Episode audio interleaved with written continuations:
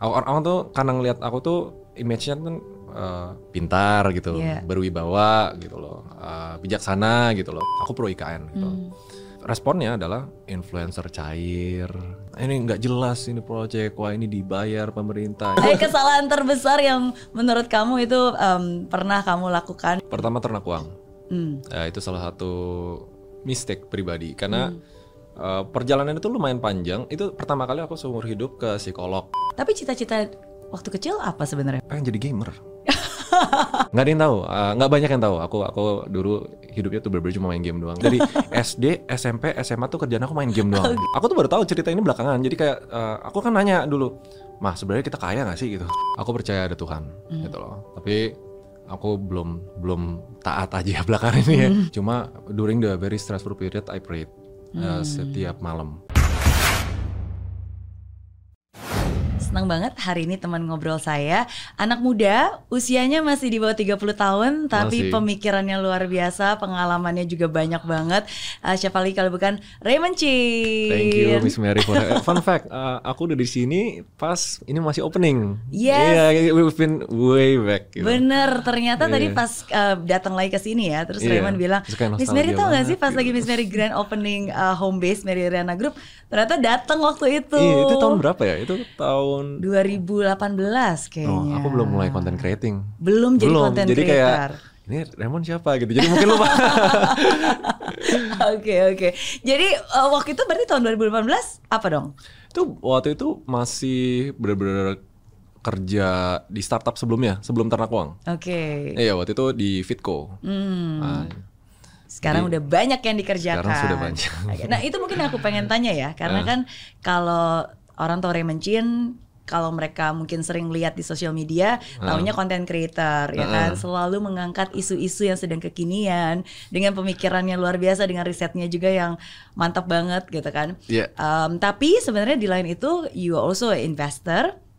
entrepreneur. Entrepreneur juga, membangun banyak startup dengan jatuh bangunnya. Iya. Eh, dan banyak hal lagi yang mungkin dilakukan juga gitu. Jadi who is Raymond Chin? Kamu tuh pengennya sebenarnya dikenal sebagai apa sih? Entrepreneur sih. Hmm. Kayak sebenarnya fun fact-nya ya, uh, every time ada yang ketemu terus bilang kayak, "Oh, Raymond Chen yang influencer itu ya, influencer itu ya."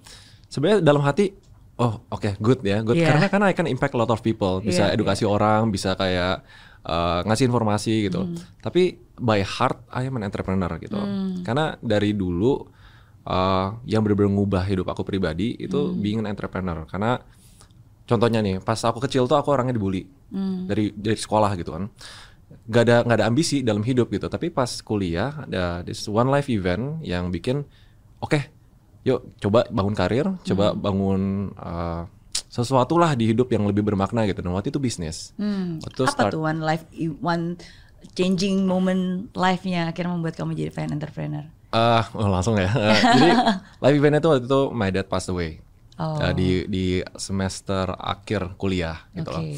Dan waktu itu mikirnya kayak gini kayak yang paling regret ya karena if your parents passed away terus belum melihat anaknya sukses ngapa-ngapain. Hmm. And it's eh, sampai sekarang tuh sebenarnya masih kayak ya nyesel aja Hmm. gitu kan.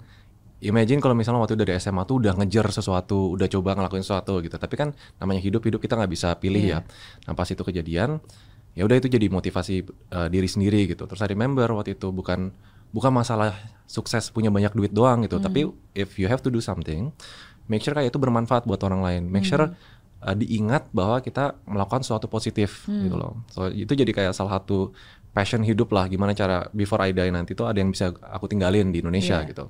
Tapi kebetulan topiknya adalah entrepreneurship. Oke. Jadi it helps a lot uh, dari orang yang dulu dibully. Self kan masalahnya self esteem kan. Iya. Miss Mary kan always ngajarin tentang leadership, self esteem, public Setuju. speaking dari kecil gitu kan. Betul.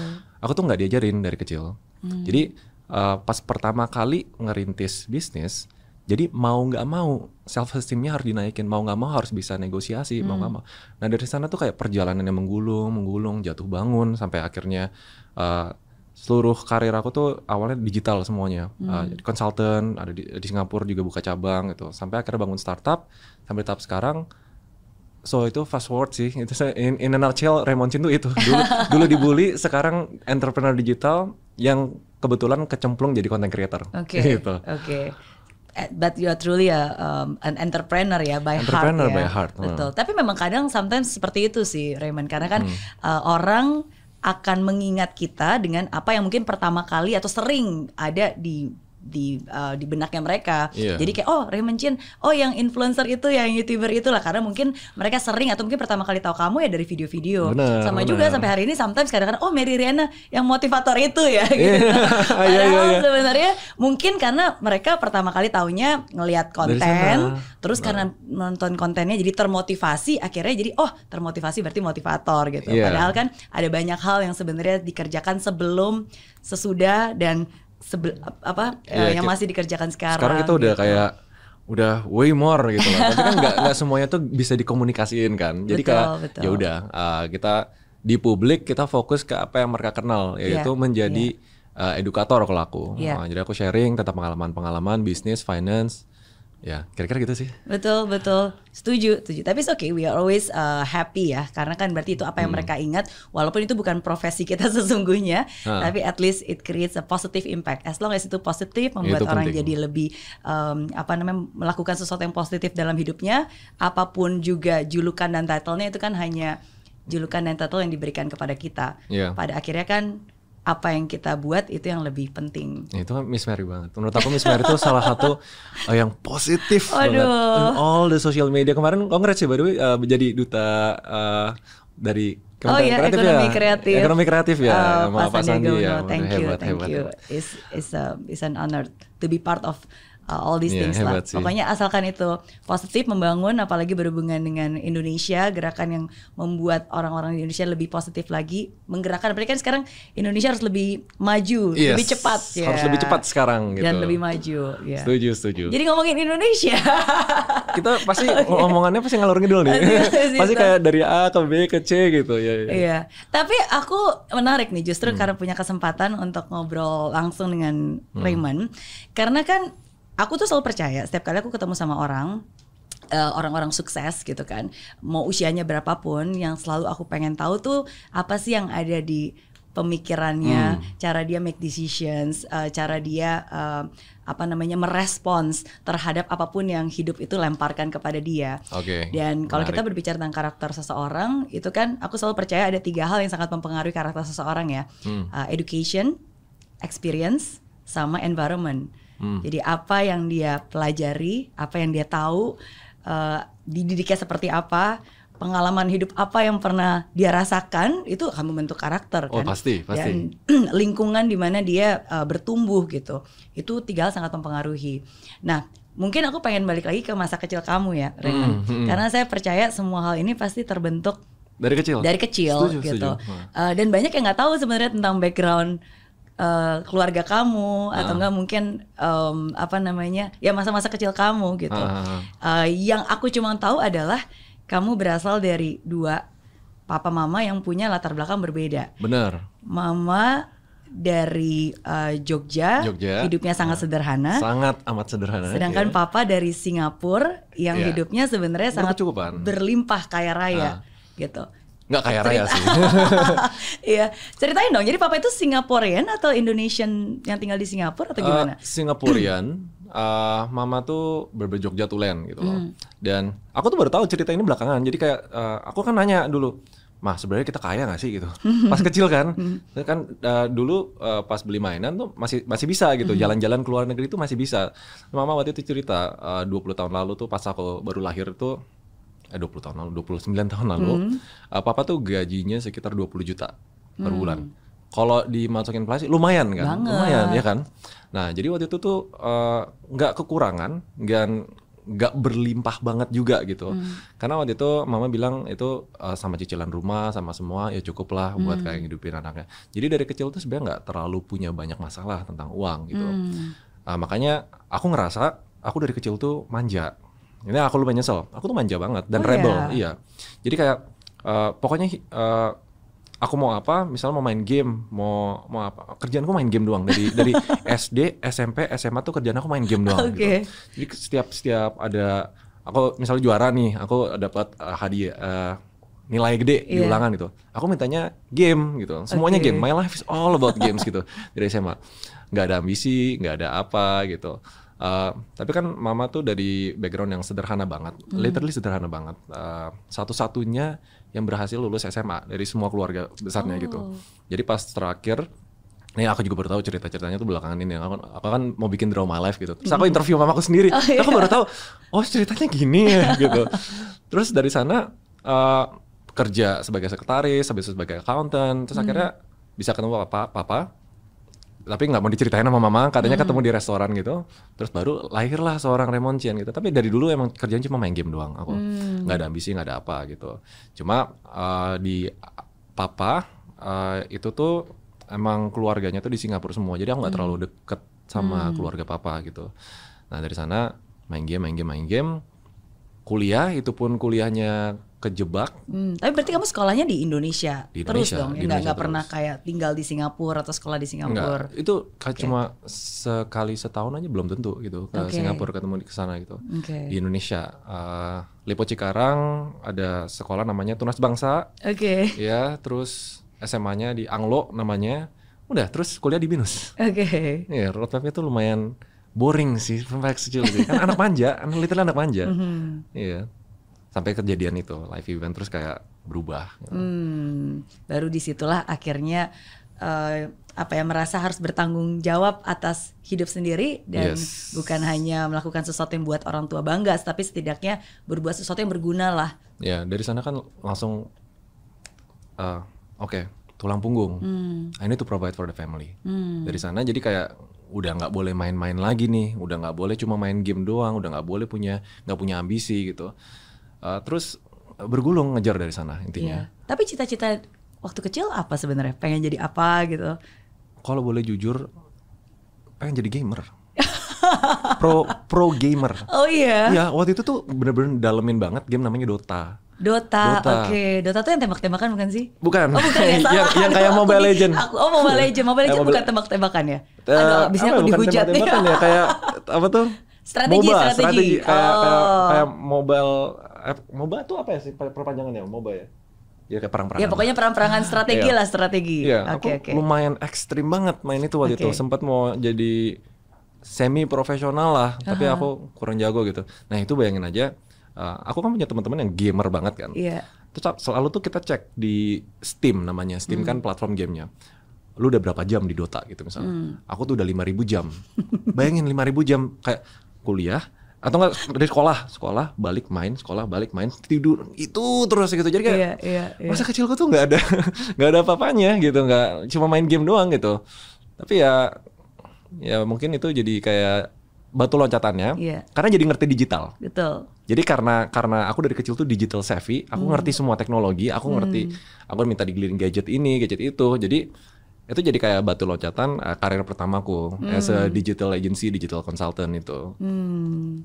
Ya, unik sih ceritanya. Menarik, menarik. Nggak ada yang tahu, uh, nggak banyak yang tahu. Aku aku dulu hidupnya tuh bener cuma main game doang. gitu. Makanya pas terakhir aku uh, jadi advisor di Agate kan, salah satu perusahaan game developer paling gede di Indonesia Iya. aku tuh kayak uh, wah ini jiwa anak kecilku hidup lagi gitu Betul. jadi kayak oke gimana caranya bikin game di Indonesia yang bisa bersaing secara internasional nah itu salah satu proyek aku juga tadi belum cerita di sana ya, ya, jadi banyak lah gitu Hmm. Banyak. kalau bisa we contribute what we're passionate about gitu Ya setuju, setuju, Iya. setuju. Dan kita akan selalu kembali lagi ke ya apa yang menjadi our uh, Hmm.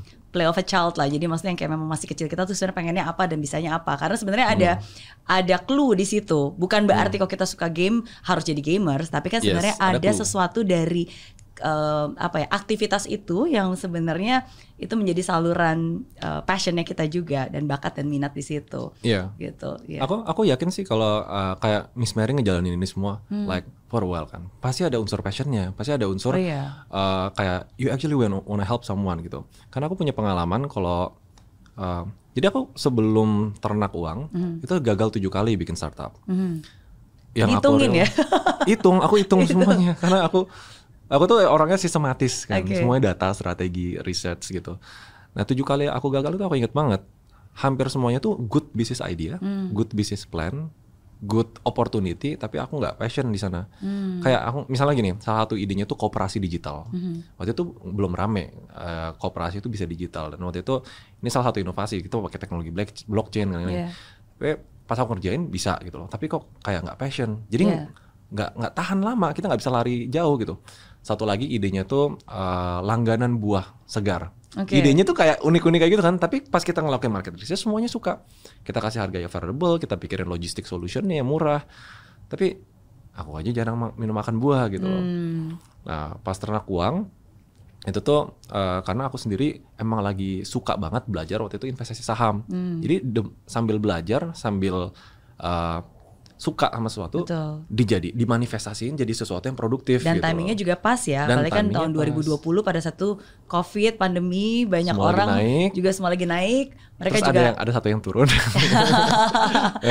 betul. Tapi literasi keuangan pada satu sedang naik-naiknya karena kan orang Bener. ingin mencari cara gimana caranya saya bisa menghasilkan em, dengan alternatif lain selain bekerja. Iya, semuanya lagi di rumah waktu itu. Betul. Iya, terus Betul. sekarang eh, venture paling barunya tuh Sevenpreneur. Hmm. Again, eh, dari awal sampai akhir sebenarnya industri apa pun terserah gitu, as long as I'm an entrepreneur. Iya. gitu. Iya. Terus Sevenpreneur tuh misinya tuh visinya tuh cuma satu. Gimana cara kita bangun dan grow entrepreneur di Indonesia gitu loh. Oke. Dan jadi semua bisnis model kita, semua subsidiary kita tuh semuanya harus align sama visi itu. Iya. Dari edukasinya, dari investmentnya gitu. Jadi ya, because my life change of entrepreneurship, Iya.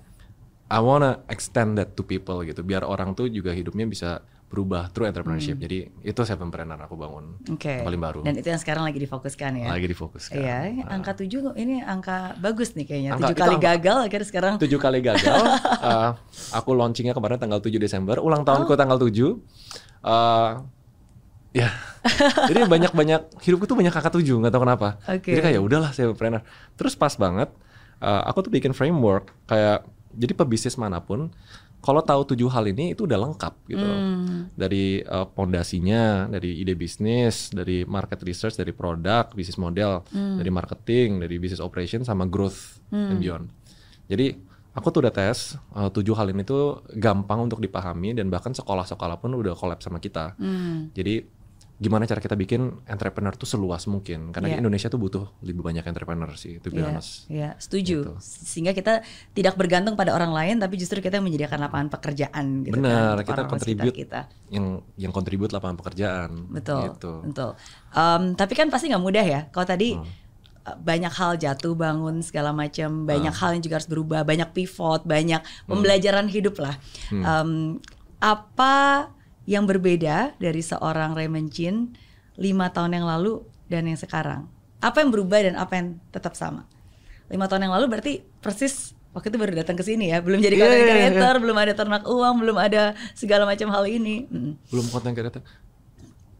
Satu hal yang paling signifikan ya uh, berubah itu tuh dulu cuma mikir gimana cara uh, sukses bisnis, gimana cara uh, cari uang yang banyak gitu loh. Tapi kita selama berkarir ya kita kan have more responsibility, Yeah. more responsibility. Responsibility-nya itu bukan cuma kerjaan yang makin banyak, tapi karyawan yang makin banyak, hidup orang bergantung kita makin banyak. Semakin gede responsibility-nya, kita nggak bisa ngelakuin hal yang dulu uh, kayak sekarang gitu. Dulu kita bisa gerusa-gerusu. Kalau misalkan apa-apa ya udah kita yang uh, bangkrut sendiri aja gitu misalnya. Iya. Tapi kalau sekarang misal udah kayak hampir 100 100 orang lebih uh, di semuanya sebagai karyawan their life uh, depends on you gitu misalnya. Jadi sekarang tuh lebih hati-hati aku. Aku uh, uh, semua decision tuh aku lebih wise. Terus apalagi udah ngebangun uh, figure sebagai content creator itu juga baru dua tahun aku bangun kan. Jadi aku harus cepat belajar gimana cara bertanggung jawab lebih banyak gitu loh. Dan satu hal yang aku agak berubah banget dibanding lima tahun lalu. Dulu aku kira kayak money is everything, Hmm. ya kan? Dengan uang kita bisa ngelakuin banyak hal, kita punya power, kita bisa influence orang, kita bisa ngebantu orang, Hmm. all the good and the bad gitu. Tapi sekarang aku udah realize satu hal yang lebih penting daripada uang buat aku, Apa? reputation. Hmm. Karena buat apa? We have a lot of power, we have a lot of money. Kalau kita dikenal sebagai orang yang tidak berkontribusi, kita orang dikenal sebagai orang yang jahat, orang yang merugikan orang lain gitu loh. So reputation matters way more to me than money gitu loh. Aku bahkan rela untuk kayak buang uangku untuk mempertahankan reputasi yang bagus. Hmm. Karena pas ngeba aku ngebangun setiap bisnis bisnis itu selalu ada visinya sendiri. Hmm. Dan setiap visinya tuh aku bilang harus ada unsur gimana cara kita kontribusi untuk Indonesia Ya. either ekonominya, either kayak perkembangan digitalnya, apa pun itu. Jadi aku tuh harus konsisten. Pas aku ngebangun uh, brandku sebagai Raymond Chin, reputasinya tuh lebih penting dibanding uangnya. Ya. Jadi pas even dengan endorsement with brand di agency gitu. Jadi yang beda signifikan lima tahun dulu sama lima tahun sekarang.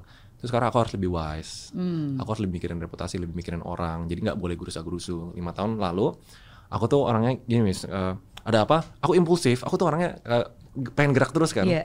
Lima tahun lalu tuh kayak langsung gerak gerak gerak gerak salah salah makanya gagal tujuh kali startup. Jadi kayak cepat gitu. Tapi waktu itu aku gagal ya udah. Nah Iya. sekarang gagalku lebih mahal Hmm. gagalku tuh eh, ini makanya saran buat anak-anak muda ya selagi masih muda banget dan gak ada tanggungan gagallah sebanyak mungkin Hmm. aku sekarang kalau gagal yang kena dampak tuh banyak gitu jadi itu yang beda sih kayak lima tahun bisa lebih bertanggung jawab ya. Harus, Maksudnya harus. memang akan sangat berbeda ketika kita baru lulus kuliah Hmm. dan kita lagi hustling just ya udahlah kalau gitu I have nothing to lose gitu kan seakan-akan Iya. kalau misalnya rugi ya udah rugi diri sendiri. Tapi kan sekarang ketika kita sudah berada di stage tertentu, tanggungannya bukan cuma kita sendiri gitu. We have a lot of things that we have to consider before we make certain decisions kan. Eh, pertanggungjawaban itu mendewasakan kita lah ya Ya. karena we realize eh, apa pun yang kita lakuin tuh berdampak ke orang lain jadi make sure kayak dampaknya itu bukan ya sesuatu yang negatif gitu loh Hmm. jadi aku lebih careful aja sih kalau sekarang Oke. It- lebih trying to be wise wise, being wise. Itu yang berubah ya. Tapi apa Hmm. Berubah. yang masih sama dari Raymond Chin dulu dengan Raymond Chin yang sekarang? Hmm, aku tuh paling nggak suka eh, orang kan bilang kayak branding entrepreneur tuh harus rapi, harus apa gitu. Aku tuh orangnya eh, try to be as genuine as po- possible gitu loh. Jadi kalau aku ngasih liatin hal bagus dari diriku, aku juga harus jujur tentang hal jelek tentang diriku. Yang aku konsisten sampai sekarang tuh aku kok eh, setiap ngomong sama siapa pun, even bisnis partner aku eh, tipenya nggak suka janji manis. Hmm. Jadi itu termasuk kayak eh, misalnya aku ini timku selalu bilang kayak aku tuh receh gitu kalau ngejokes online gitu kalau kalau bikin kayak dead jokes kayak bikin skit gitu aku receh banget aku bilang ya udah aku suka emang kenapa gitu jadi trying to stay genuine aja soalnya eh, ngebangun reputasi itu harus ada authenticity Ya. Iya kan, kita nggak bisa kayak capek loh bangun image. Jadi ya udah sampai sekarang salah satu prinsip yang aku bakal pegang sampai jangka panjang banget aku tuh transparan dan aku selalu ngajarin orang untuk netral, pikir kritis sebelum memik- eh, membuat opini gitu. Karena sekarang tuh lumayan bahaya loh kayak di dunia digital ya, sangat gampang orang ke influence untuk melakukan sesuatu Hmm. Yang padahal bukan keputusan mereka, yang bukan opini mereka. Hmm. Karena eh, informasi kan sekarang kita banyak banget ya, apalagi Iya. Gen Z. Betul. Kenapa Gen Z itu eh, agak lebih depresi ya? Eh, katanya gitu generasi paling pintar, tapi generasi paling gampang depresi. Katanya gitu. Iya, ya, setuju Gen? Z. Kamu setuju nggak? Realitanya begitu. Realitanya Aku- begitu. Aku, aku setuju karena aku kerja sama semuanya Gen Z. Iya. Dan dan Paling sering butuh healing lah. paling sering butuh healing gitu loh. Aku Oke. eh, kalau sama milenial dulu kayak eh belum beres, hajar aja sampai subuh gitu kan. Iya. Gen Z eh, ini bukan bagus atau jelek ya, tapi realita marketnya begitu. Iya, Gen. Z lebih kalau bahasa jeleknya manja, Hmm.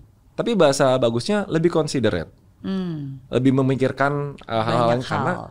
hal-halnya tuh banyak gitu kan. Jadi aku sampai dari dulu sampai sekarang yang aku pertahan itu I just wanna be authentic gitu loh. Hmm. Dan nggak nggak mau disetir sama orang lain. Kalaupun aku ngomong sesuatu itu opini pribadi aku gitu. Makanya aku selalu ngajarin orang untuk mikir kritis gitu. Iya.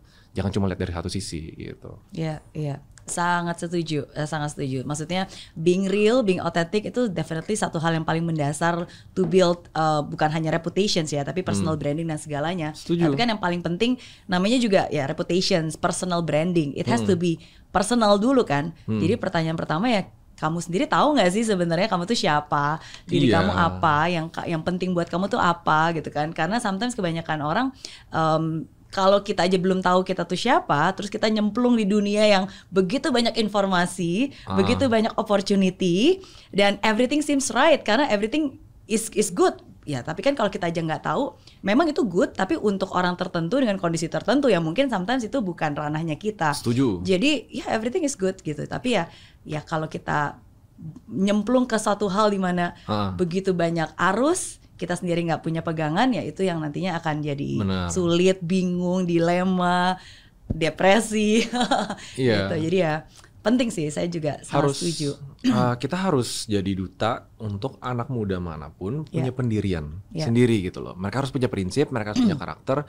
Karena yang yang aku lumayan sayang di Indonesia ya. Hmm. uh, pendidikan karakter Hmm. itu nggak sekuat itu. Hmm. I'll be honest, uh, dibanding negara-negara lain yang dari kecil dari disiplin, misalnya Jepang soal disiplinnya, bahkan China soal soal etiknya Yeah. gitu misalnya. Dari kecil tuh keras banget diajarin. Setidaknya Indonesia tuh uh, sesuai dengan uh, prinsip yang cuma kita yang Indonesia doang yang punya itu gotong royong. Iya. Saling merangkul, saling membantu, jangan digiring, jangan diadu domba, Hmm. jangan kayak gampang maki orang atau gimana gitu. At least itu dulu deh. Jadi kayak Hmm. pendidikan karakter tuh uh, topik penting menurut aku ya. Hmm. Kalau misalnya aku boleh kasih saran ke Bapak Menteri Pendidikan, pendidikan karakter matters a lot sih. Karena Yeah, kita harus totally mempersiapkan generasi selanjutnya. Betul. Bayangin Gen Z kan sekarang kayak gini. Generasi selanjutnya tuh bakal lebih Ya. informasinya bakal lebih banyak lagi. Jadi kalau karakter sama prinsipnya nggak kuat, jangankan bahas tentang hal-hal lain, edukasi lain gitu loh. Tapi itu pasti goyah gitu. Hmm. Fun fact-nya di Sevenpreneur, walaupun itu business framework kan, Hmm. Step satunya tuh sebenarnya pondasi. Pondasinya tuh aku bilang jangan jangan mikirin bisnis yang bagus dulu deh, jangan Hmm. mikirin duit yang banyak dulu gitu. Tanya diri sendiri, aku bikin formnya kayak SWOT pribadinya Hmm. apa, eh, style, eh, passionnya dia apa, Iya. key leadershipnya dia tuh kayak gimana tipenya. Mengenal diri sendiri itu penting sebelum bahkan masuk ke ide bisnis gitu loh. Hmm. Jadi aku sesuai dengan prinsipnya gitu. Bahkan di bisnis pun aku masukin di frameworknya. Iya.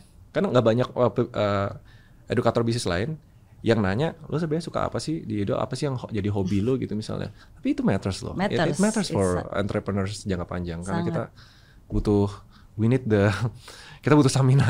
Kalau kita nggak suka, kita pasti di tengah jalan capek. Betul, Gitu. betul. Jadi back to the core ya, fundamentalnya sendiri. Fundamental dulu. Apa Ha. sih yang kamu bisa, yang kamu suka gitu kan, yang Hmm. bisa kamu lakukan untuk membuat sesuatu berguna.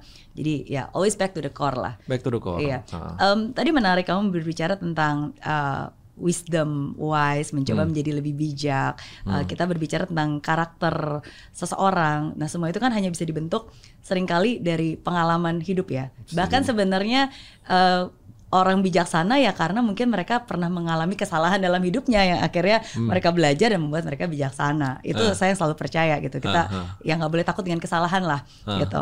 Em, apa kesalahan terbesar? Aku nggak bilang kegagalan ya, karena kan kamu nggak suka dengan kata kegagalan. Aku banyak. Tapi tapi kesalahan terbesar yang menurut kamu itu em, pernah kamu lakukan dan mungkin pernah membuat kamu sampai stres banget atau eh, impact banget gitu di dalam hidup kamu. Pertama ternak uang. Hmm. Ya, itu salah satu mistake pribadi karena Hmm.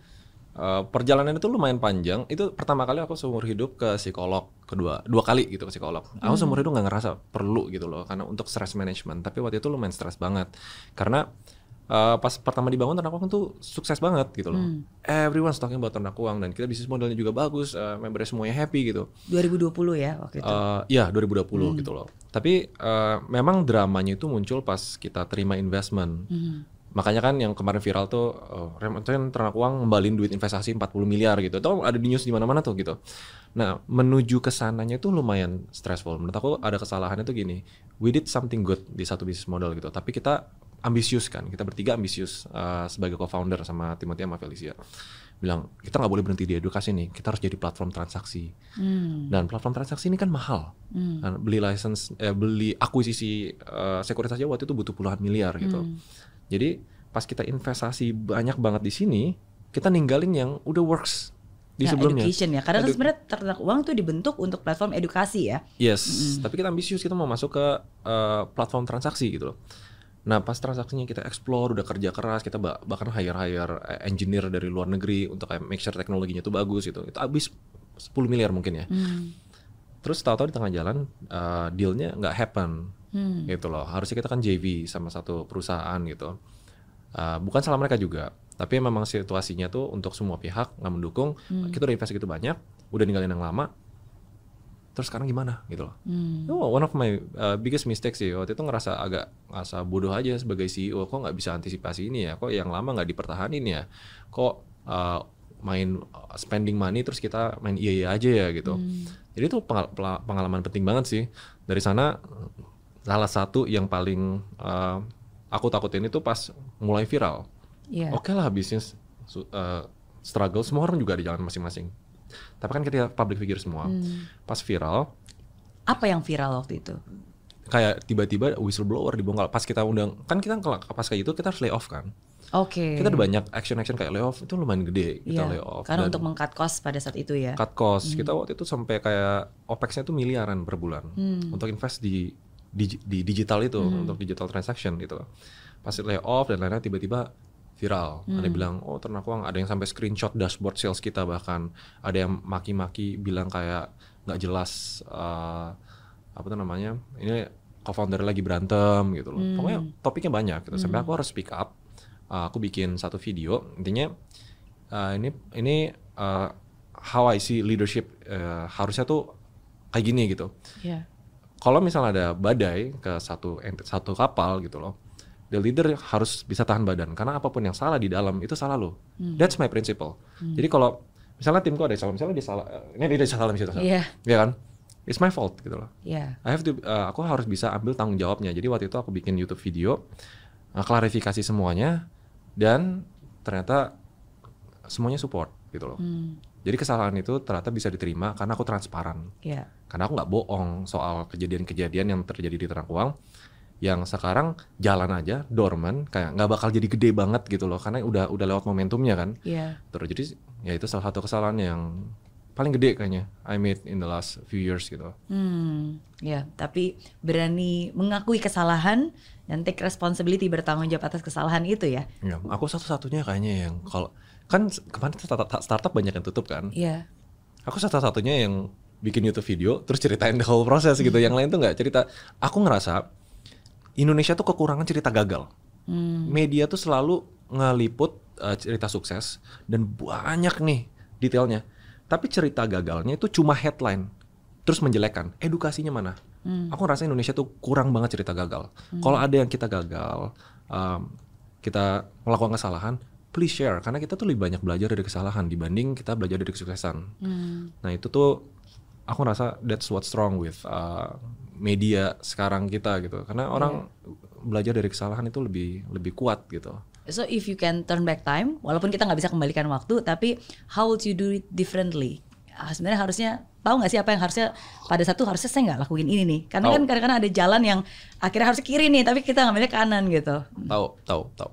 Uh, pas terima investment, uh, terima. uh, tapi kita uh, pas kita investasi di platform baru, kita jangan tinggalin bisnis model utama kita. Yang udah proven pada saat itu. Yes, itu nomor satu. Uh, nomor dua, uh, spendingnya uh, jangan terlalu agresif. Analoginya, walaupun tiba-tiba dapat uang banyak, uh, harusnya tuh kita pelan-pelan ramp up. Itu dalam berapa bulan tuh kita langsung opex di atas satu miliar per Iya, bulan gitu kan. iya. Jadi Tapi kan biasanya itu memang em, apa ya, memang requirement kan, karena mereka invest pasti mereka mau grow dan grownya salah satunya ya, ini uangnya dipakai buat apa nih gitu kan? Bener, tapi eh, aku kalau ngelihat dari ini ya organizational growth, eh, kita tuh ada setiap kan or- eh, struktur organisasi sampai dia benar-benar efisien banget tuh harus ngelewatin fase-fase tertentu. Dan biasanya pas dia scale ke angka tertentu dia harus shorming dulu. Jadi fase shorming itu kita kayak pasti semuanya kayak berantakan gitu. Iya. Nah, berantakan itu yang sebenarnya eh, bikin beberapa eh, eksekusi kita tuh jadi salah. Aku tuh harusnya gini, kalaupun mau scale secara cepat itu ada 20 orang ke 100 orang itu langsung dalam berapa satu bulan kayaknya atau dua bulan gitu kan. Oke. Nah di sana tuh jadi kayak nggak efisien, Iya. eh, uangnya terlalu banyak kan dibakar gitu. Tapi kalau aku pelajarinnya kayak gini, yes itu arahan investor, Iya. ya kan pasti kan investor taruh duit spend to grow kan gitu. Eh, tapi buat founder ya go with your instinct aja menurut aku nggak perlu dengerin investor. Waktu itu if I'm eh, aku bisa rewind waktu, aku bakal lebih slow Hmm. apa-apa deh ketinggalan momentum nggak apa-apa gitu Iya. yang lebih slow lebih aman kenapa soalnya aku tanggung jawab sama semua orang yang ada di ternak sekarang gitu Iya. Itu sih yang kayaknya bakal diubah ya. Uh, lebih hati-hati. Ya oh sama JV-nya itu uh, make sure kontraknya kuat. Kemarin tuh kontraknya kurang kuat. Jadi Oke. kayak makanya makanya bisa bisa batal Oke. Iya, iya. Oke. Wow, that's that's a lot of learning lessons nih buat yang dengar. Karena sometimes of course kalau kita berbicara tentang kegagalan Hmm. em, atau kesalahan itu pasti membuat siapa pun juga yang ketika mengalaminya of course kita berusaha untuk mengavoid itu kan. Tapi Hmm. ketika itu terjadi itu pasti rasanya tetap aja sakit, tetap aja Oh, sedih, sakit. tetap aja kecewa gitu. Ah. Ya, tapi kan pain itu kalau kita olah dengan baik itu bisa menjadi satu hal yang baik juga. Salah Benar. satu formula yang aku selalu ingat um, pain plus reflection equals to progress. Wah, keren. Jadi setiap kesalahan yang kita buat asalkan kita berani untuk mengakui, belajar, merefleksi, ya sebenarnya hasil outputnya it will be a progress gitu buat kita ya. Oke, Benar. Pro- lanjutnya lebih baik lagi. and progress, progress, progress leads to perfection enggak sih? Nggak yes, betul. So th- thank you for sharing your your Jadi- pain, your pain ya. Pain? Ini. uh, Stres aku- gak? Sampai, sampai ke psikolog segala berarti it was Stress, very stress. stressful moment. Very very. Aku aku, Dari aku tuh orangnya lumayan. uh, I can control my Hmm. uh, emotions really well gitu loh. Aku bisa work under high stress situation Hmm, gitu. Tapi kemarin tuh yang bikin susah tuh uh, pas this is your company, but it doesn't feel like your company. Hmm. Kok kayak ini hal-hal harusnya dikontrol aku, tapi kok kayak nggak bisa aku kontrol gitu loh. Hmm. Jadi pas di fase-fase uh, kayak kehilangan grasp ke apa sih yang harus aku lakuin gitu karena kok kok kesannya yang lain tuh gerak tapi yang harusnya punya aku kontrolnya tapi bukan punya aku gitu Hmm. like kok kok hidupku banyak di bergantung sama keputusan orang lain nah di sana baru kayak identity crisis aku aku tuh identity crisis kayak ngapain sih punya bisnis gede bisnis sukses tapi kayak you cannot make your own decision for your own company gitu loh Iya. anggapannya gitu ya, ya waktu Iya. itu ya lumayan stres di sana sih. Iya. ya. Jadi aku tuh suka satu quote sih kalau soal kegagalan ya. Because uh, as much as aku mau avoid kegagalan aku nggak bisa gitu loh. Karena pathnya sebagai entrepreneur pasti pasti setiap hari nemu kegagalan. Setiap hari itu pasti ada micro failures dan setiap minggu pasti ada decision yang salah. Setiap bulan pasti ada apa you will find multiple failures gitu Iya. loh. Tapi bukan tentang berapa kali lu gagal gitu tapi berapa kali you get up after you gagal gitu karena aku suka uh, salah satu prinsip uh, kesuksesan ya itu di bukunya Grit Oke. I really like Grit gitu loh karena Iya. itu ngerepresentasiin hey man hidup kita tuh nanti kita masih hidup ya semoga ya sampai Iya. umur uh, 80 90 perjalanan tuh masih panjang gitu Setuju. tapi anak muda banyak yang nggak mikirin mereka cuma mikir lari lari lari lari, tapi nggak mikirin stamina Hmm. Stamina itu penting banget gitu. You wanna do something that lasts a long time dan uh, jangan kayak sekali keserempet terus stop gitu Iya. loh. Jadi ya udahlah that big failure ngelits to sekarang gitu. Dan sekarang ya jadi I'm doing a lot of things yang ternyata emang bisa sesuai dengan passion. Ya jadi ada ada hal baiknya lah dari Ya, sini of gitu. course, of course. Pelajarannya. Ada banyak hal yang baik karena eh, kamu mengolah kejadian yang mungkin dilihat di mata dunia tidak baik dengan mindset dan pemikiran dan prasangka baik. Yes. Hasil akhirnya pasti akan selalu baik. Itu sih yang aku yakinin. Iya. Iya. Well, sometimes in life pasti akan ada unexpected failure, unexpected uh, disappointment gitu. Nah, Tapi pasti, selalu pasti. juga akan ada unexpected help, bantuan-bantuan atau mungkin kejadian-kejadian yang yang kayaknya nggak mungkin bisa terjadi tapi terjadi. Hmm. Aku tuh selalu ngebayanginnya uh, it is something that is spiritual, beyond human. Ah. Gitu. Apa pun agamanya ya. Uh, kamu pernah nggak sih ngalamin seperti itu? What is your most spiritual um, apa experience yang pernah kamu rasakan? I believe in a higher being. Uh, aku percaya ada Tuhan, gitu loh. Tapi aku belum belum taat aja belakangan ini ya. Kayak misalnya berdoa atau apa itu, aku nggak nggak sekonsisten itu. Tapi aku percaya adanya Tuhan gitu. Karena menurut aku agak selfish kalau kita bilang kayak oke lah kita bilang kayak kita tuh misalnya uh, we are the masters of our own destiny misalnya kayak gitu kan kita kontrol hidup kita gitu loh tapi kita di kita datang ke dunia ini aja nggak bukan kita yang kontrol gitu. Kita itu anugerah yang dibeli Iya. gitu. Jadi nggak nggak make sense kalau misalnya orang nggak percaya Tuhan gitu. Iya. nah pertanyaannya uh, gimana cara kita manifestasiin itu jadi hal yang positif yang kita bisa lakuin di hidup kita gitu misalnya. Number one is appreciation gitu loh. Karena kita nggak mungkin punya apa pun yang kita punya di hidup ini bahkan kehidupan kita tanpa adanya Tuhan gitu loh. Jadi uh, itu yang aku pegang sampai sekarang. Being appreciative yang percaya bahwa there's a higher being Ya. terus ya ja- jangan jangan it lowers your ego itu for sure Uh, percaya dengan religion lowers your ego a lot dan ego itu menurut aku masalah uh, gede juga untuk mayoritas orang kalau misalnya mau naik ego tuh biasanya yang bikin uh, kita tuh ngerasa kita udah paling hebat gitu Yeah. loh di saat kita udah ngerasa kita paling hebat kita nggak bakal berkembang. Iya. Intinya kayak gitu. Itulah awal dari kejatuhan kita ya, tinggal tunggu Awal dari waktunya kejatuhan aja. kita gitu bener. Iya iya iya. Kalau sampai event spiritual sih, kayaknya aku belum terlalu ngalamin ya. Cuma during the very stressful period I prayed uh, setiap malam. Hmm. Gitu. Jadi it helps a lot menenangkan. Iya. Karena kenyataannya yes ini hal buruk lagi terjadi tapi hal semua hal baik di hidup lu juga pernah terjadi. It helps you appreciate gitu loh.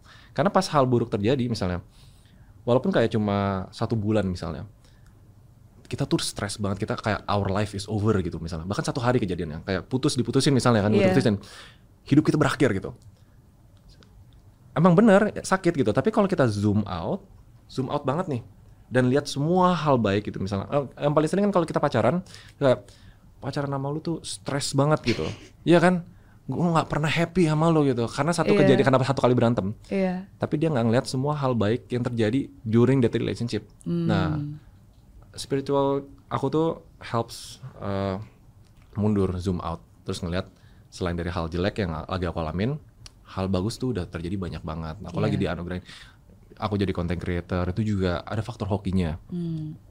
ada misalnya bangun bisnis apa jalan gitu, ada faktor hokinya gitu. Jadi appreciative sama hal-hal yang bagus di terjadi di hidup kita helps a lot sih untuk waktu itu ngelewatin fase depresi.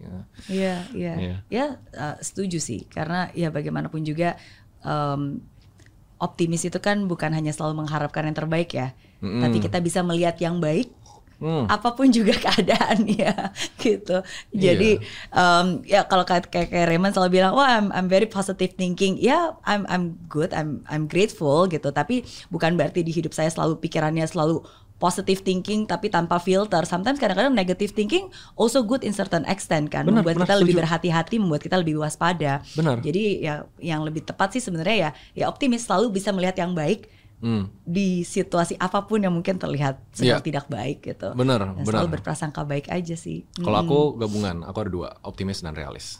Oke. Kalau aku kayak gitu. Iya. Uh, uh, kadang overly optimistic karena ada pengalaman buruk buat aku lumayan traumatic gitu loh. Kalau terlalu optimistic ya. Kan semuanya terlalu itu Setuju, jelek ya. setuju. Jadi uh, being a realist helps a lot karena aku orangnya logika banget. Iya. orangnya logika banget, being a realist a lot. Uh, jadi kalau ada terjadi sesuatu, aku bisa oh karena logikanya begini kalau ini enggak uh, oh, it's okay. Hmm. Kayak misalnya kita gagal nih ya.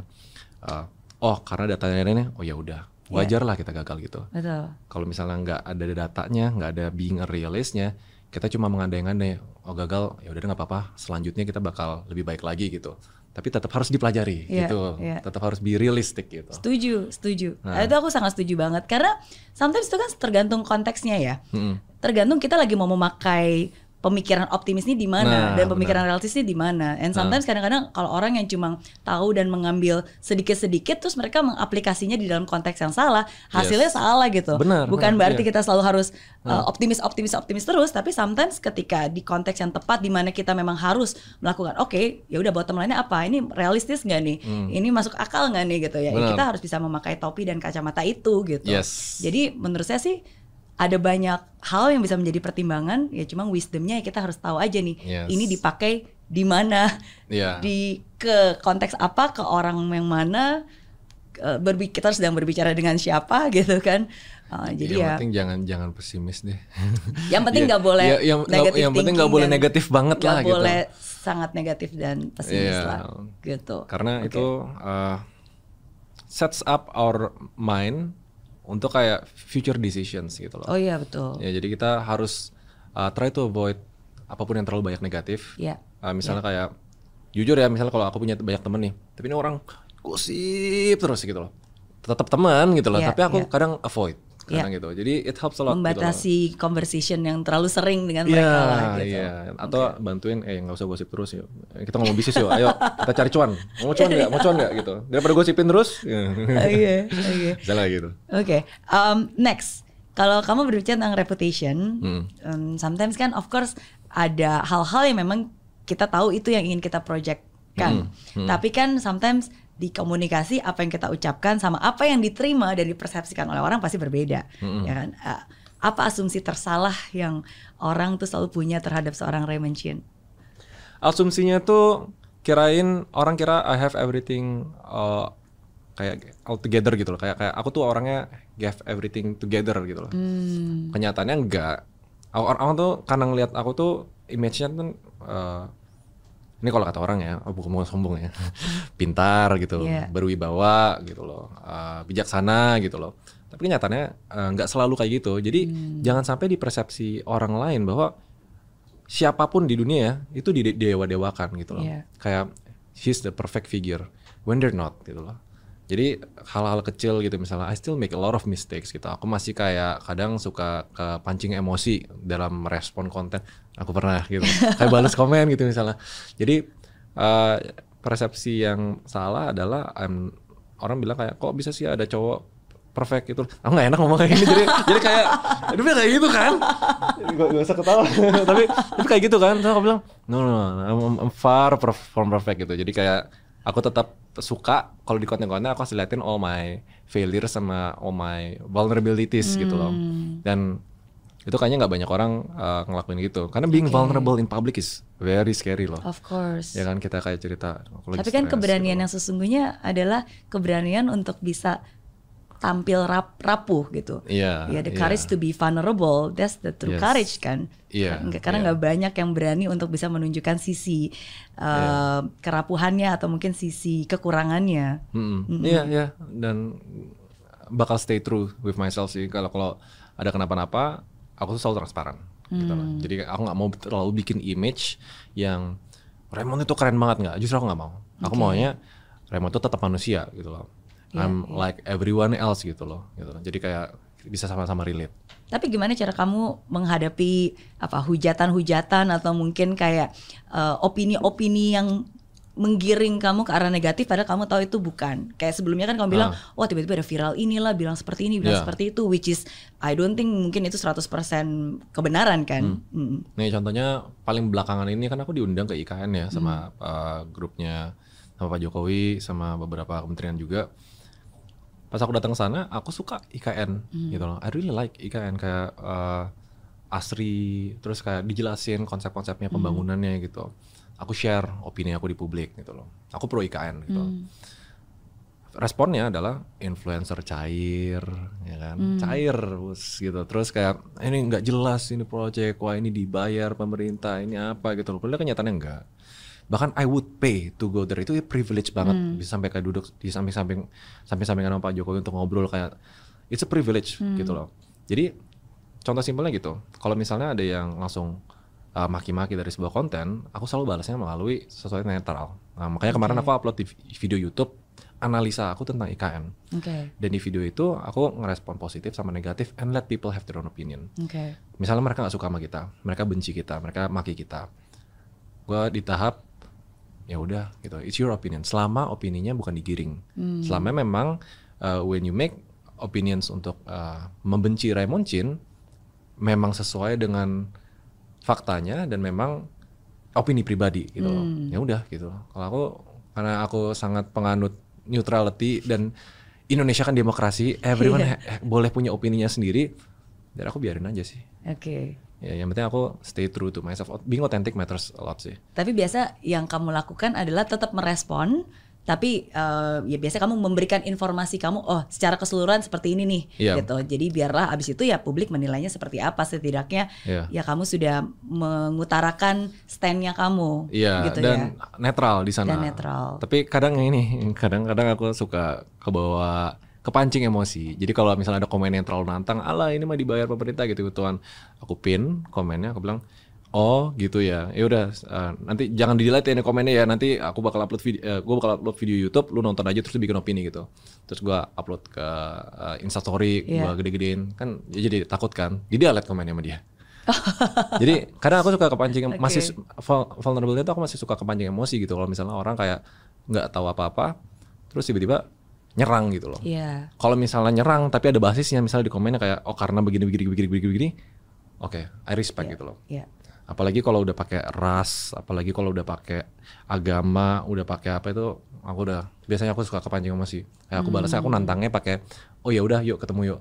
Yuk apa yuk yuk apa yuk gitu. Tapi nggak ada yang berani. Mereka kan cuma ngomong di balik layar doang terus kayak di ditantang Belum tentu apa. akunnya benar juga Belum dan tentu orangnya bener juga. benar ada. Jadi ya udahlah eh, bakal ada banyak jadi kayak aku tenang aja yang penting respon aku tetap sedewasa mungkin gitu. Hmm, Oke, oke. Ya, tapi I appreciate ketika kamu mau selalu uh, yaitu being authentic ya. Hmm. Mau tetap uh, tampil dan ya udah kalau salah ya salah, tapi uh, nggak membenarkan diri, tapi at the same time kamu juga mencoba untuk menetral, Yes. kasih lihat dua perspektif dan uh, ini loh sebenarnya terjadi. Ya habis itu terserah publik mau menilai apa. Benar, it's up to them ujung-ujungnya. Iya. Demokrasi Indonesia kan demokrasi kan, jadi kita harus menjunjung nilai-nilai Indonesia nasional. Pilihan tersulit yang pernah kamu alami. Oh mungkin yang berhubungan dengan ternak uang sih kemarin lumayan sulit sih. Eh, balikin duit investor eh, dan kita bebas lagi kan. Jadi kayak nggak punya pertanggungjawaban kan sebenarnya. eh, jadi void agreementnya.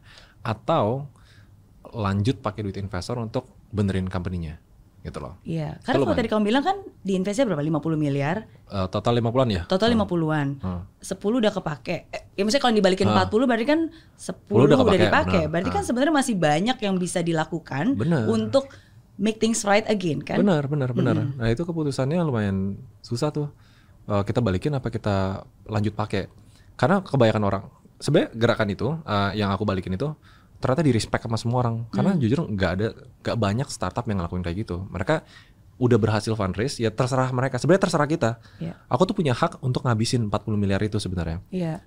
I have every right gitu loh. Tapi aku uh, balikin karena kayaknya susah gitu untuk digedein lagi daripada daripada dipakai daripada duitnya habis dan investor lagi seret juga. Ya. waktu itu lagi winter kan. ya udah aku balikin aja gitu. Oke. itu salah satu keputusan susah juga tuh. Dan mungkin karena pada saat itu uh, the three co-foundernya pun juga mungkin nggak Capek, nggak kita capek. nggak solid untuk mengerjakan ini ya. Kalau misalnya tiga-tiganya masih yuk kita kerjain yuk kita lakukan something, saya percaya masih banyak yang bisa dilakukan sih karena runway-nya masih panjang Benar, dan benar. you are all smart people. Ah. Kamu tahu ah, dan maksudnya kan bisa meminta bantuan direction segala macam kan. Ah. Tapi uh, mungkin karena even the the three of you co-foundernya juga uh, ya gara-gara apa, situasi nggak- itu tuh kita jadi nggak akur Hmm. ya jadi nggak seakur pertama gitu loh. We're still friends masih ngobrol gitu sampai sekarang. Baru kayak minggu lalu ketemu sama Timothy. Uh, tapi ya si- sebenarnya kan sifat buruk itu keluar pas kita di dipojokin gitu loh. Pas kita kena pressure kan. Nah waktu itu pressure kan lumayan gede. Dan for us kita masih muda semua kayak uh, nggak siapa sih yang bilang bisa ngalamin kayak gini di seumur hidup dia gitu kan? Jadi pas lagi pressure tinggi kita jadi uh, visinya jadi berubah Hmm. I want to do this I want to do this I want to do this jadi ya udah dan salah satu decisionnya kita balikin Hmm. jadi kayak kita bisa ngelakuin apa yang kita mau lakuin terpisah gitu loh Oke, oke. Oke. Lumayan Yeah, story. that's that's a good. I mean like that's a wise thing to do yang Hmm. uh, yang akhirnya kan sekarang jadi win-win. At least menutup masa lalu dan sekarang ya udah kita mulai Ya, sesuatu yang chapter baru, baru. lagi, chapter Bener. baru. Ya Iya. chapter barunya banyak lagi tapi mungkin ini aku yang aku satu hal yang aku pengen tanyain ya karena ini bukan hanya dari segi bisnis tapi juga dari segi hidup. Hmm. Karena kan banyak orang kadang-kadang um, to find a good partner in life and also in business is important. In Hmm. Benar. life tuh biasanya ya cari pacar yang jadi suami, Hmm. istri dan seterusnya. Kalau in business basically ya it's, it's in partnership Ah. because when you have the right partner even when things goes wrong everything can be right again. Ah. Tapi when you have the wrong partner even a good opportunity or the right opportunity can go wrong gitu kan. Yes, yes. Um, tapi kan nggak mudah untuk mencari the right business partner. setuju Uh, kamu pernah punya pengalaman. Nah sekarang um, apa kesalahan pada saat itu? Dan Hmm. sekarang kan kamu juga punya banyak business partner, bahkan lebih banyak lagi. ya lebih banyak lagi Iya, terus uh, apa nggak trauma gitu dengan kejadian itu? Dan gimana cara kamu bisa punya kepercayaan untuk bisa membangun dan punya another business partner juga? Hmm. karena nggak ada opsi gitu loh. If if you uh, kita pelajarin as an entrepreneur, uh, sorry as a leader deh, tugas kita kan bisnis itu nggak mungkin jalan tanpa orang gitu kan. Uh, people is the core uh, component of any business. Mau itu people dari staff level, dari middle managers, dari senior manager sampai co-founder gitu loh. Uh, kalau di tahap aku sekarang aku ngejalin kan lumayan banyak gitu loh. Jadi it's impossible untuk bisa jalanin uh, tujuh eh, delapan divisi eh, tujuh eh empat enam divisi empat company tiga investment. Jadi kan nggak mungkin kalau misalnya nggak ada partner kan. Iya. jadi jawabannya sebenarnya I have no choice gitu loh. Tapi yang aku lakuin beda uh, adalah dulu pas kita ngebangun ternak uang Dan ini pasti honest mistake semua orang yang ngebangun startup di awal. Kita ngomong selalu bagus-bagus ya. We all talk about the good thing. Oh nanti bakal begini, nanti begini semangat gitu loh. Fire itu tuh nyala selama uh, periode-periode awal ternak uang gitu misalnya. Jadi makanya itu semangat, semua orang kerjanya bagus banget gitu loh. Tapi yang belum diomongin adalah the bad things gitu. Nah bedanya sekarang sama semua partner bisnis aku, aku dari awal udah bilang kayak, eh eh, daripada kita bahas bagus-bagusnya, kita bahas jelek-jelek dulu yuk. Gitu. Kalau misal terjadi ini dispute gitu misalnya, kalau misalnya terjadi hal yang gue gak setuju gimana, kalau misalnya lu uh, ternyata nggak punya waktu gimana. So bedanya dulu sama sekarang, I talk about all the bad things di awal dan lebih detail uh, dibanding uh, ngelakuin bisnis sebelum-sebelumnya gitu. Jadi uh, experience jadi bi- bikin kita harus ngomongin hal jelek itu, jadi ternyata itu lebih sehat. Hmm. Itu jauh lebih sehat karena pas orang masuk dan jadi partner aku, uh, kita tuh udah tahu plannya. Kalau misalnya ada kenapa-napa, ada jelek, ada apa, oh ya udah we will solve this problem gitu. Oke. Itu bedanya. Oke, oke. Jadi kalau ibaratnya orang lagi dating, lagi pacaran itu nggak cuma ngomong yang enak-enak gitu kan, kayak oh nanti mau makan di mana, ntar kita mau nonton konser apa gitu kan, tapi harus berani dan bisa membicarakan hal-hal yang memang penting, yang mungkin agak canggung untuk dibicarakan. Benar. Contohnya nanti kalau kita nikah, eh, kamu saya boleh kerja nggak Ah, gitu kan? gitu. Atau nanti Ah. kalau kita nikah nih keuangannya gimana nih gitu kan? Uang kamu jadi uang saya gitu kan? Atau Benar, kita sendiri-sendiri gitu kan. Ya, jadi hal-hal yang mungkin uh, agak canggung untuk ngomongin di awal, tapi penting untuk Penting. Dibicarakan karena dari situlah kita bisa tahu cara pandang um, kita terhadap sebuah keputusan kan. Yes, benar. Tapi ya mungkin kalau kalau kasusnya pacaran ya pasti mereka ceweknya juga kabur juga kalau misalnya aku nanya kayak gitu kalau Jangan pacaran. di pertama ya, Jangan di date the way. pertama gitu. Nah, tapi kalau di bisnis emang beda. Bisnis tuh when you sign ada hukum yang berlaku gitu Iya, loh kan. iya. Jadi make sure semuanya beres sebelum ada hukum yang berlaku. Kalau pacaran kan nggak ada nggak ada tanda tangan Hmm, kan, nggak ada kayak hukum yang berlaku. Kalau misalnya nyakitin hatinya aku mau tuntut gitu misalnya nggak bisa Iya, kan. iya. Nah karena bisnis is berhubungan dengan uang, pas kita udah tanda tangan, ya makanya sangat amat direkomendasikan ngomong semua yang jelek di depan gitu. loh. Pas when you sign itu nggak bisa ditarik balik, Hmm, gitu. Oke. Tetap, tetap, tetap, terbuka lah di awal. Tetap harus terbuka di Iya, awal. Tapi juga tetap harus ngelihat karakter calon partner kita seperti apa nih. Yes. Iya dong, bener nggak? Eh, kalau ini aku pakai gut feeling sih. Hmm. Ya, bisa nggak orang ini dipercaya gitu. Jadi kalau misalnya orang pinter banget, orangnya kayak jago ngomong, orangnya apa gitu. Tapi kalau aku udah dapat feeling gara-gara kok ini orang kayak bisa eh, nggak nggak tulus gitu, misalnya Hmm. nggak otentik, nggak punya motif tersembunyi, aku biasa langsung skip. Hmm. Jadi, nah ini eh, yang sadly-nya adalah harus dari experience gitu kan. Iya. Dan nggak bisa diajarin ke orang kayak cari partner yang bagus gimana. Kita kita bisa bikin listnya. Iya. Cari yang jujur, cari yang eh, berprinsip, berkarakter. We can make the list gitu loh. Tapi kenyataannya pas ketemu sama orangnya, eh, interactionnya itu Iya, gut iya. feelingnya penting gitu loh. Harus Iya, pakai hati. iya, Dan kalau misalnya dari interaksi-interaksi itu kita percaya sama dia, oh ini orang bakal bikin hidup gue lebih eh, mudah, lebih bagus gitu misalnya, Hmm. bukan malah lebih jelek gitu loh. Tapi misalnya jago banget nih, tapi datang terus langsung hal pertama, eh langsung ngomongin jelek tentang orang lain, terus kayak apa? Itu kan capek kan gitu. Iya. Nah aku bisa langsung skip. Gitu. Oke. Jadi aku harus cari orang-orang yang eh, aku bisa percaya, gut feeling, Iya. dan salah satu yang paling penting ya visinya sama. Hmm. Where we wanna go, kita tuh either beririsan atau tujuannya sama. Iya. Karena kalau tujuannya beda-beda, ya terpecah lagi gitu. Ya setuju setuju. Ya gampang-gampang susah ya. Gampang susah. Gampang-gampang susah. Tapi eh, tapi jangan jadikan itu alasan untuk kita tidak mencoba. Benar, benar. Jangan jangan takut memulai, Iya. jangan takut jangan takut gagal. Hmm, Karena justru you learn the most when you fail. Agree. Selama gagalnya jangan all in juga gitu. Hmm. Karena kebanyakan orang gitu, jangan takut gagal, jangan gagal, tapi seluruh tabungan hidupnya ditaruh ke sana ya jangan gitu juga gitu. Harus ada namanya calculated risk gitu loh. Tapi jangan Betul. jangan takut gagal gitu. Betul betul. Setuju. Sangat setuju. Eh, pertanyaan terakhir sebelum nanti eh, you can ask me one questions. Ya, penting-penting. I Oke. have one important question. Pertanyaan terakhir berarti em, dari begitu banyak hal yang sudah kamu alami selama 29 tahun, masih muda banget loh sebenarnya. Tapi apa em, pembelajaran paling penting yang hidup berikan kepada kamu? Hmm, pembelajaran paling penting ya, uh, people sih. Hmm. Uh, everything is about people. Karena dulu tuh aku kira kayak ngebangun bisnis, it's all about numbers. Uh, misalnya ngebangun aplikasi, it's all about coding gitu misalnya. when you realize that everything is about people, semuanya itu tentang uh, people manusia gitu, baru perspektifnya berubah gitu loh. Hmm. Aku tuh sampai impulsif itu waktu itu. Sebenarnya alasan aku tuh orangnya individualis banget Hmm. dari dulu. Aku bisa ngapain? Aku mendingan sendiri aja gitu. Hmm. Karena aku lebih cepet, aku lebih ngerasa lebih pinter. Iya. Tapi you cannot do big things without people gitu. Dan orang yang bakal nolong uh, kita, orang yang bakal nopang kita. Aku sampai impulsif kemarin. Aku orang nggak punya tato kan. Ini tato aku tuh sebenarnya untuk remind me that I need to be in with people gitu. Oh, ini baru. Nggak, baru ini udah lama. Oke. Udah dua tahun kayaknya. Eh, satu tahun dua tahun Oh, gitu loh. satu tahun dua tahun baru Oh, baru, berarti. baru, baru, oh, iya. wow. Aku awalnya Itu tato people. gambar apa tuh? Gajah. Gajah. Oke. Gajah itu salah satu binatang paling sosial yang paling peduli kalau misalnya satu kenapa-napa dia Hmm.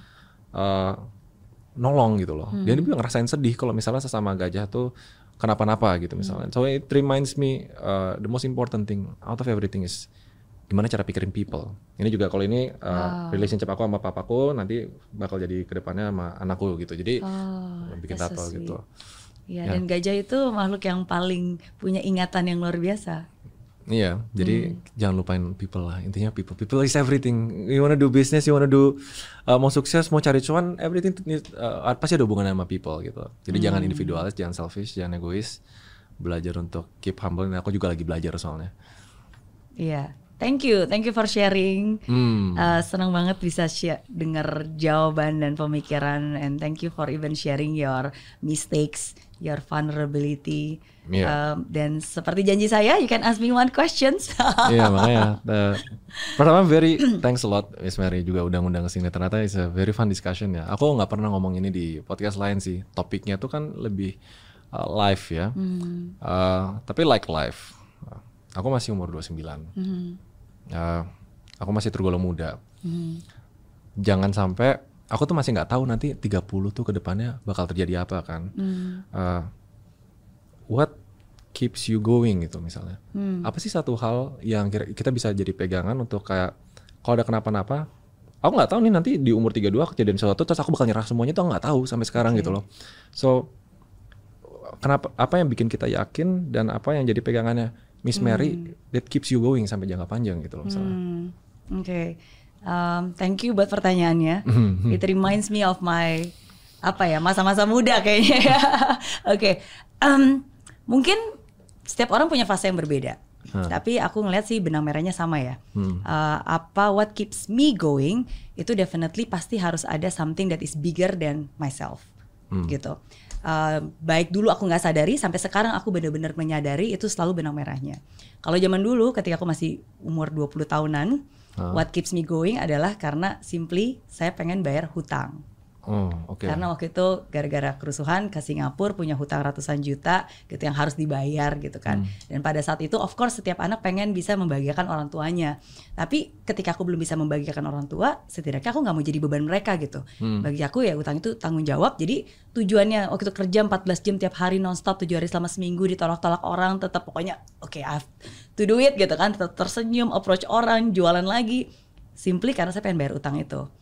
Uh, Oke. Tapi itu yang menggerakkan saya. Pengen bisa nggak jadi beban orang tua dan membahagiakan mereka. Dan akhirnya puji Tuhan dari kerja keras itu, ya Tuhan memberkati lah. Jadi bukan hanya bisa bayar utang uh, 6 bulan setelah uh, waktu itu bangun bisnisnya, tapi bisa dapat satu juta dolar di usia 26 tahun pada saat itu. Keren. Thank you. Itu It's- keren it's- banget. Hmm. it's- it's a God bless banget. Nah, terus 26 kan, udah agak mirip nih dengan usia-usia kamu 29 sekarang.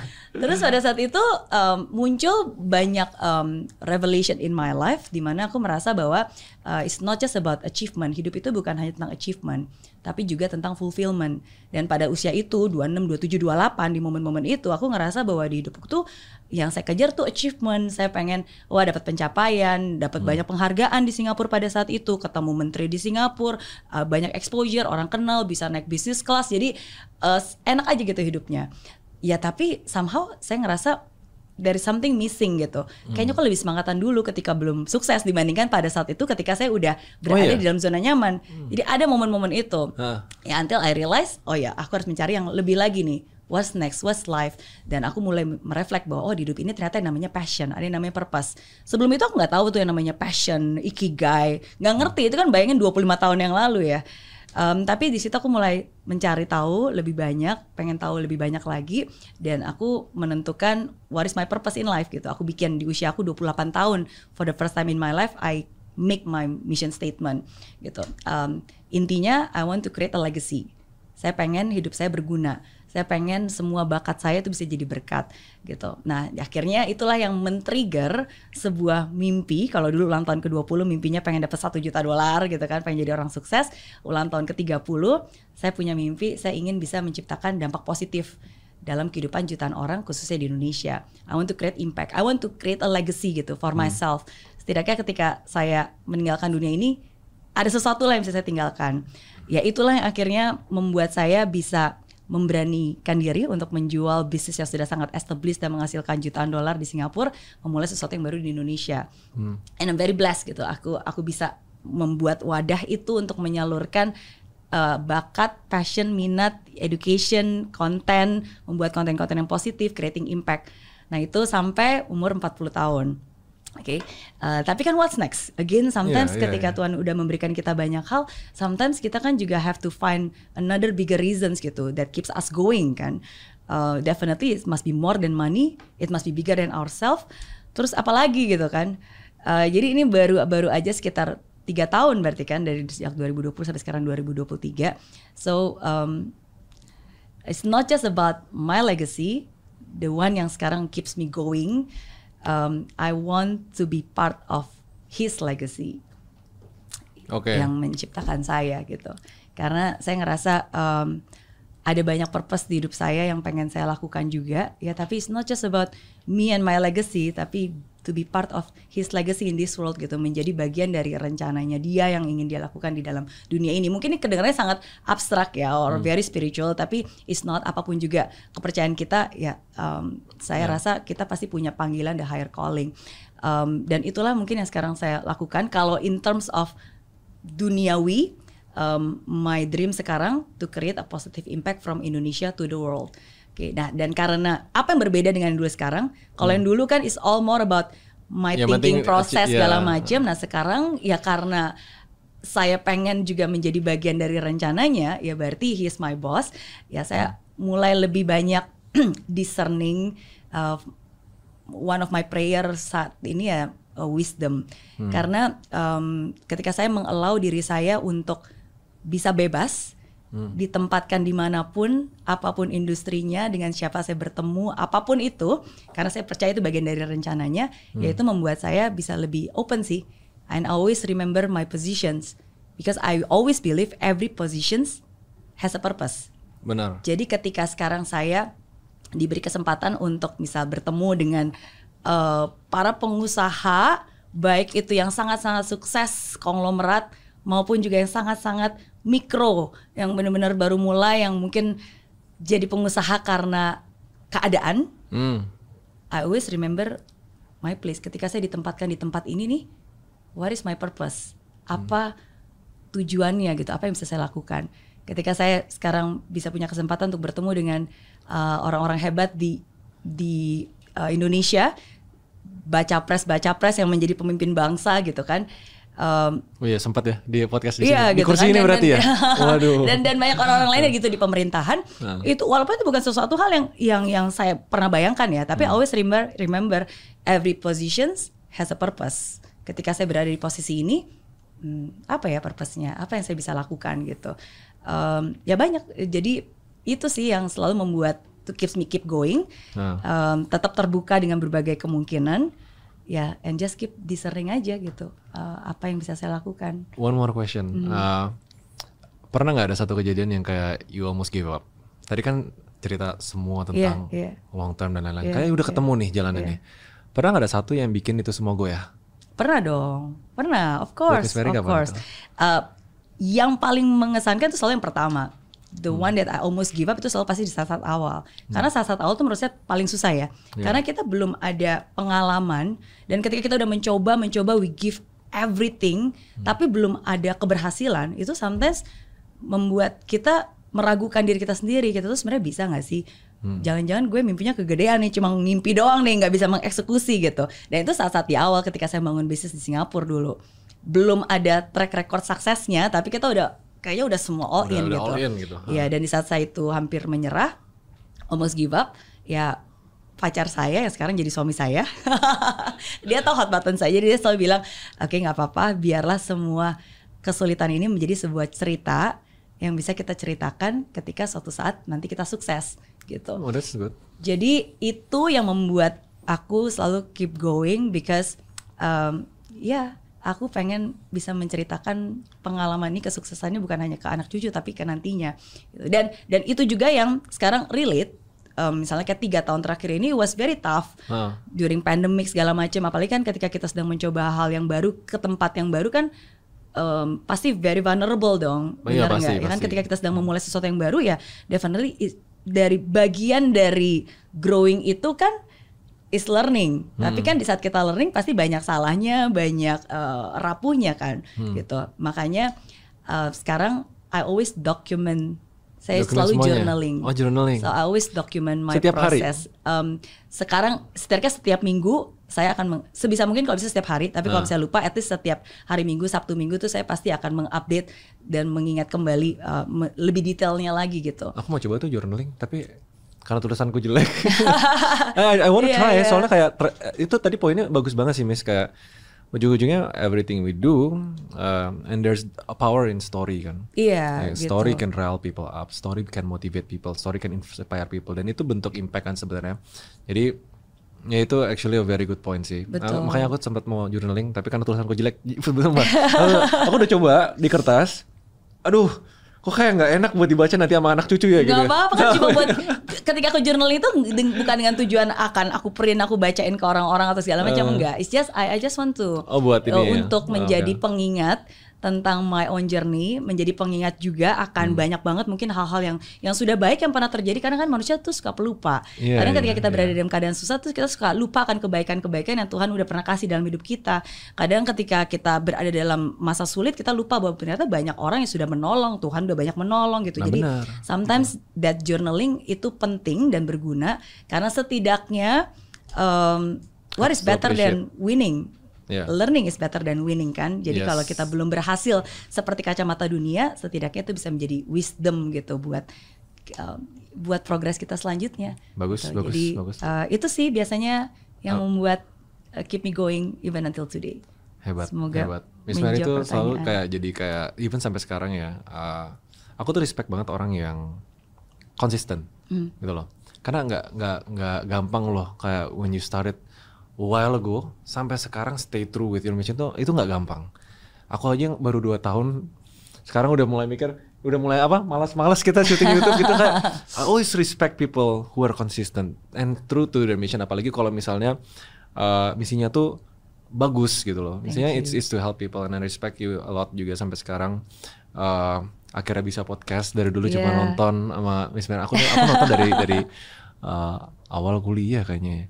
Udah sebenarnya Iya. awal gitu. Tapi Wow. dari story-storynya akhirnya bisa ngobrol bareng. It's an honor. Thanks for having me Miss Thank Mary. you. Aku yang thank you. Hopefully kita bisa keep impacting a lot of people karena your purpose is Sure. basically my purpose too. Yeah, I yeah. wanna make sure kayak sebelum mati, sebelum meninggal, ya kasar banget ya. Sebelum meninggal itu I, I leave something behind. gitu. Yes. Gitu ya. Thank you. Hopefully kita bisa banyak collab nanti kita bakal banyak Yes, ngobrol yes, after of this. course, ntar abis ini kita ngobrol lagi. Oke, Oke. thank you so much. Thank you, Sukses terus buat Yeah. Raymond. Yeah, thank you. Thank you guys.